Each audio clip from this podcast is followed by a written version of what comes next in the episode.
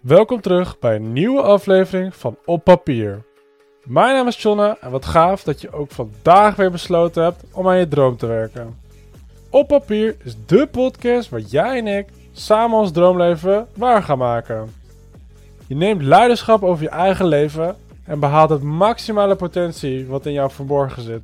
Door middel van literatuur, interviews en actuele stappen die je vandaag nog toe kan passen, zetten we allebei weer een stapje dichter bij onze droom.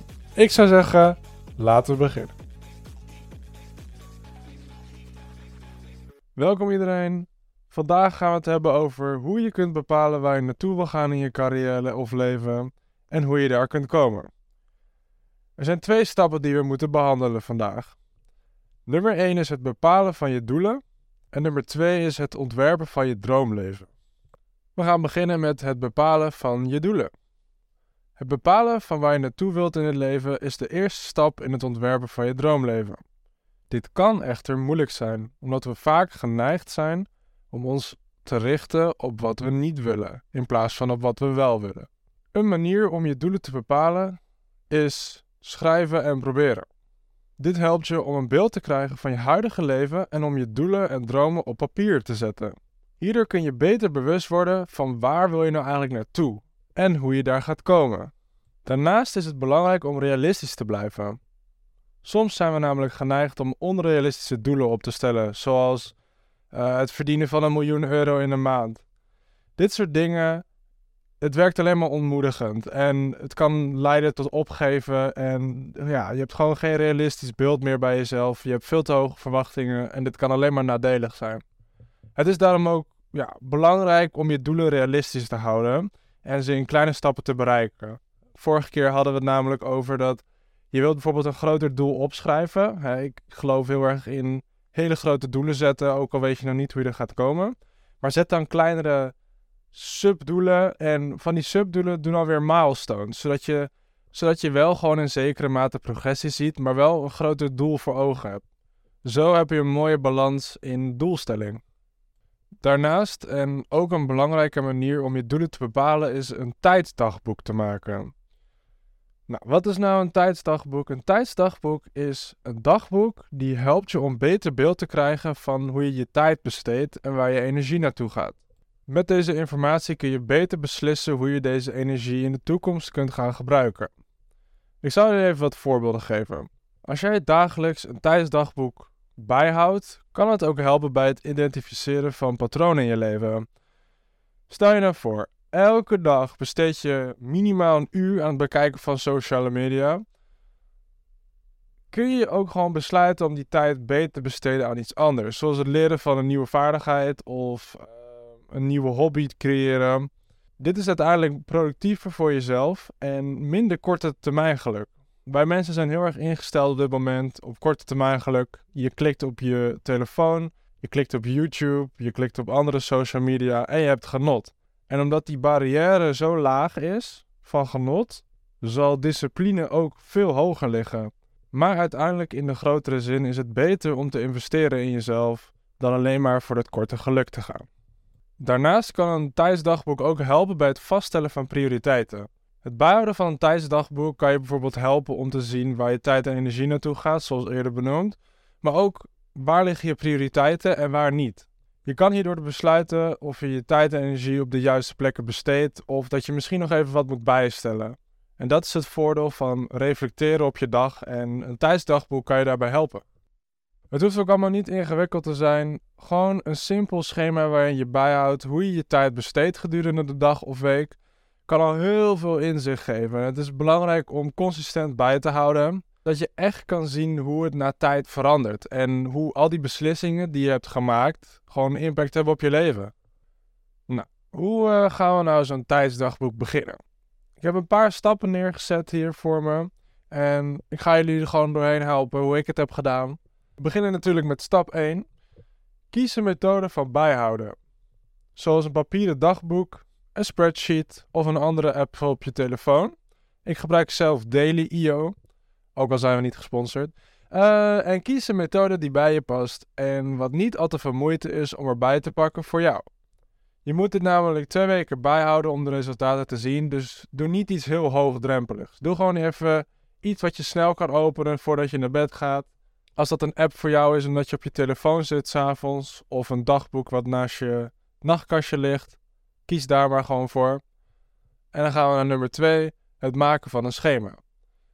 Maak een schema waarin je bijhoudt hoe je je tijd besteedt gedurende een dag of een week. Dit kan een simpel schema zijn met tijdblokken van minimaal een uur, maar je mag het ook veel globaler doen dat je zegt uh, ik doe vijf dingen per dag schrijf ik op. Dat is ook prima.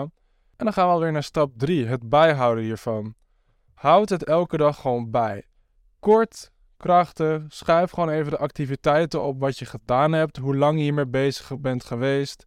Probeer lekker specifiek te zijn, maar belangrijk is ook, haal je je energie uit, of juist niet, of voel je je heel betrokken in deze activiteit.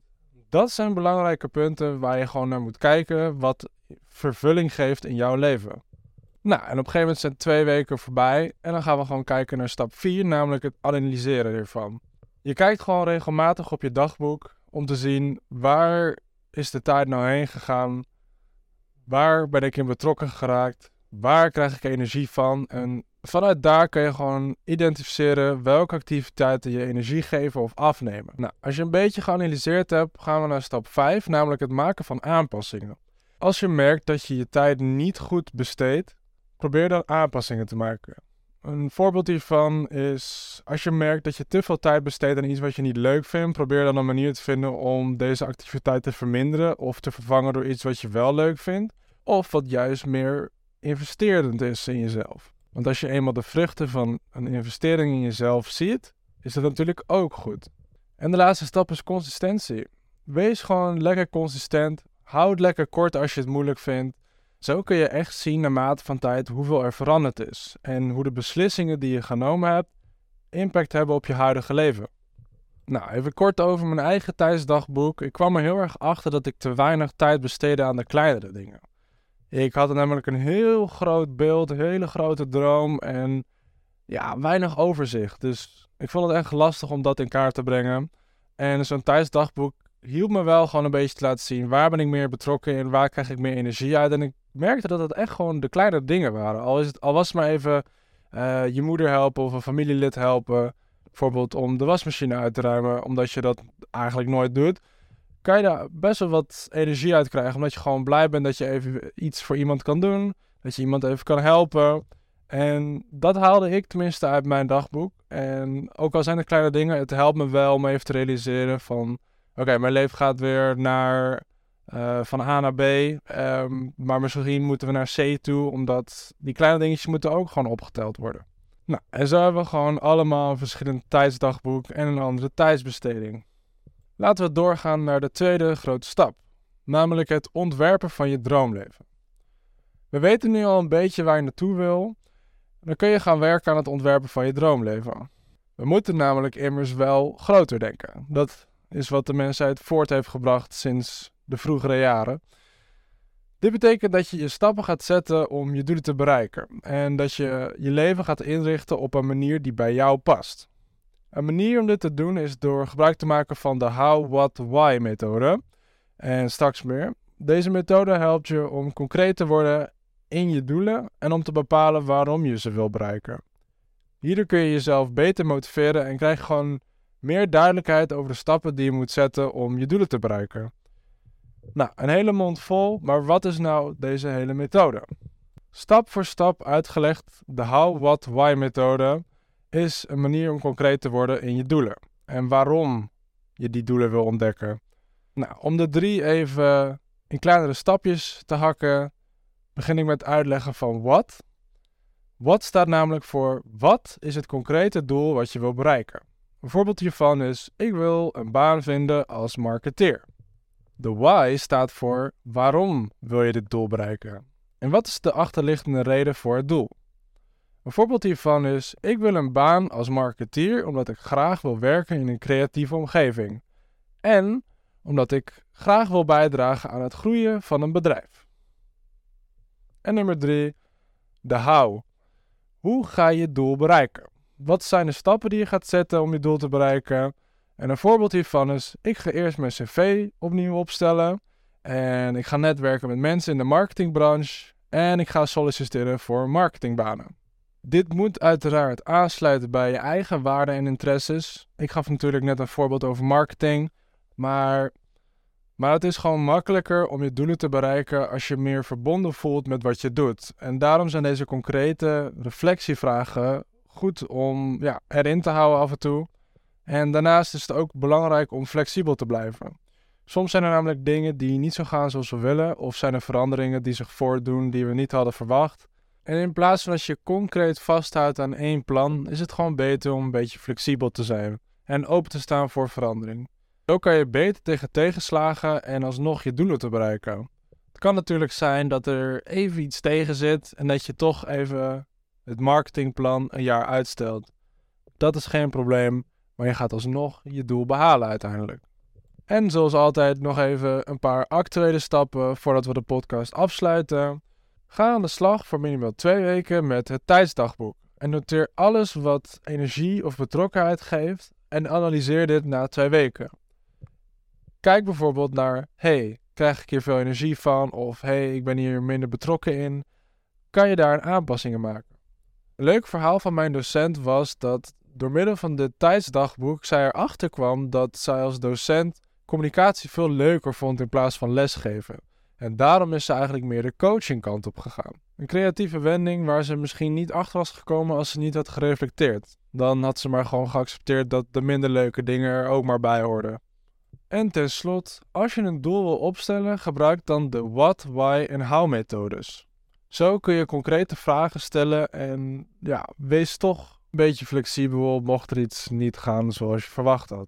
Nou, bedankt voor het luisteren alweer naar het seizoen Hoe word je vrij en de aflevering Waar wil je heen? Ik hoop dat ik je weer waarde heb geboden met deze aflevering en ik wil jou eigenlijk ook nog iets vragen voordat je wegklikt. Ik wil namelijk groeien met de podcast en ik heb jouw hulp daarbij nodig, zodat ik nog meer mensen kan bereiken en hun droomcarrière of leven kan realiseren. Geef daarom deze podcast even 5 sterren of een andere goede rating en deel dit seizoen met iemand die ook meer vrijheid wil creëren in zijn leven. Mocht je graag meer een persoonlijke handeling willen ontvangen voor het traject, of vraag je gewoon af hoe ik naar jouw situatie zou kunnen kijken, kijk dan even in de beschrijving en klik op de 15 minuten gratis kennismakinggesprek en dan kom ik in contact met je. Bedankt voor het luisteren en tot snel.